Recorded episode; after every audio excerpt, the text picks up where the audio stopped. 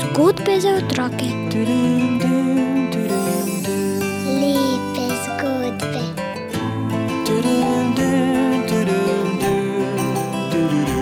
Bere nam jih Juri Sešar. Dragi otroci, dragi naši poslušalci zgodb za otroke, dva velikana in še večja mamica je naslov knjige, ki jo prebiramo knjižice Šmarnic, če sem prav natančen. Boste rekli šmarnice, tako le skoraj že ob koncu poletja. Ne, sredi poletja.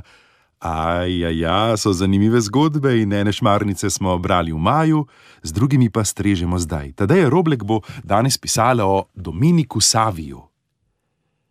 Dragi otroci, današnja zgodba nam ne bo pripovedovala ne o Janezu Bosku, ne o Frančišku Saleškem, ampak o nekem mladem fantu, ki mu je bilo ime Dominik.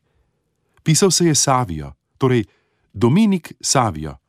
Živel je v Italiji, tako kot Don Bosco, in živel je približno v istem času kot naš velikan Janez. Toda življenjska pot na zemlji se mu je končala veliko prej. Umrl je, ko je bil star šele 15 let. A zakaj bi povedali kaj o tem mladem fantu? Ker je kljub svoji mladosti postal svetnik in zdaj je v nebesih. Je zavetnik ministrantov, otroških pevcev in vseh otrok, ki radi sodelujejo pri Maši. Šele pet let je bil star, ko je postal ministrant. Domači duhovnik ga je dobro poznal in videl, kako odprto srce za Boga ima Dominik. Zato mu je dovolil, da je prijel prvo sveto obhajilo, ko je bil star šele sedem let. No, morda se vam to ne zdi nič čudnega. Saj so tudi tretješolci, ki gredo zdaj k obhajilu, stari osem let, torej le eno leto več kot Dominik takrat. A saj vemo, drugi časi, druge navade.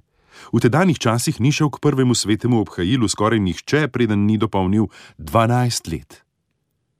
Kljub temu, da je bil pri prvem obhajilu že pri sedmih letih, si je zvečer na listek napisal pravila, po katerih želi živeti. In teh pravil se je tudi držal. Odločil se je, da bo pogosto, zdaj že vemo, da to pomeni veliko krat, šel k sveti spovedi, da bo vsak dan šel k sveti maši in pogosto prejemal obhajilo. In še en stavek je pripisal zraven: Rajši umrem, kakor da bi grešil. Bi si kdo mislil, da je to napisal fant, ki je star šele sedem let? Da ne bo nikdar grešil? Oh, koliko majhnih napak in majhnih grehov je naredil že vsak izmed nas. Dominik je bil fant, ki so ga starši poslali v šolo. Bil je priden učenec, imel je zelo usmiljeno srce. Kaj neki bi to pomenilo? Najbolje, da povemo kar z resničnim primerom iz Dominikovega življenja.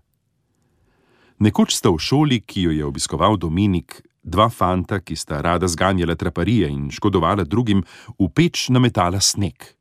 To ni bilo dobro, kajti peči potem nekaj časa niso mogli zakuriti in v mrazu sedeti in brati knjige pač ni prijetno. Ko sta to naredila, sta za storjeno dejanje pri učitelju obtožila Dominika. Dominik se ni branil. Sprejel je kazen, ki mu jo je dal učitelj.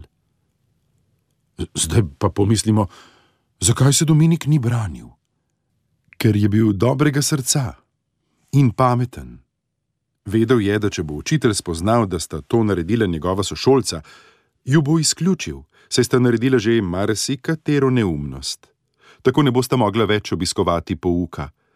Dominik pa do zdaj še nikoli ni bil kaznovan in zaradi neumnosti svojih sošolcev ne bo izključen iz šole. Potem so Dominika opisali v Don Boskov oratorij. Že ko sta se Dominik, ki je takrat imel 13 let, in Janez Bosko prvič srečala, je dobri duhovnik začutil, da je ta fant zelo dobrega srca in pameten. Dominik je bil odločen, da bo duhovnik, ko odraste. A njegove želje se niso uresničile, kajti že kot zelo mlad fant, star 15 let, je hudo zbolel in umrl. Janez Bosko ga je, ko je videl, da fant boleha, poslal domov, da bi se doma na svežem zraku pozdravil, a ni več vstal iz postelje. A presenetljivo je, da je še tedaj bil videti vesel, razigran, zadovoljen.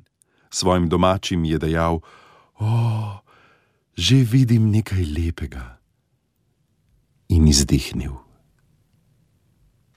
Kratko življenjsko pot je imel sveti Dominik Savija, pa vendar pot, ki nam na različnih križiščih kaže pravo smer. Njegovo življenje je smerokaz, tudi vsem nam, ki živimo v današnjih dneh.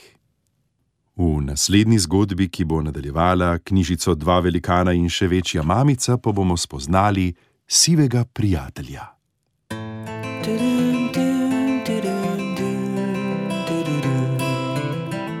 Zgodbe za otroke.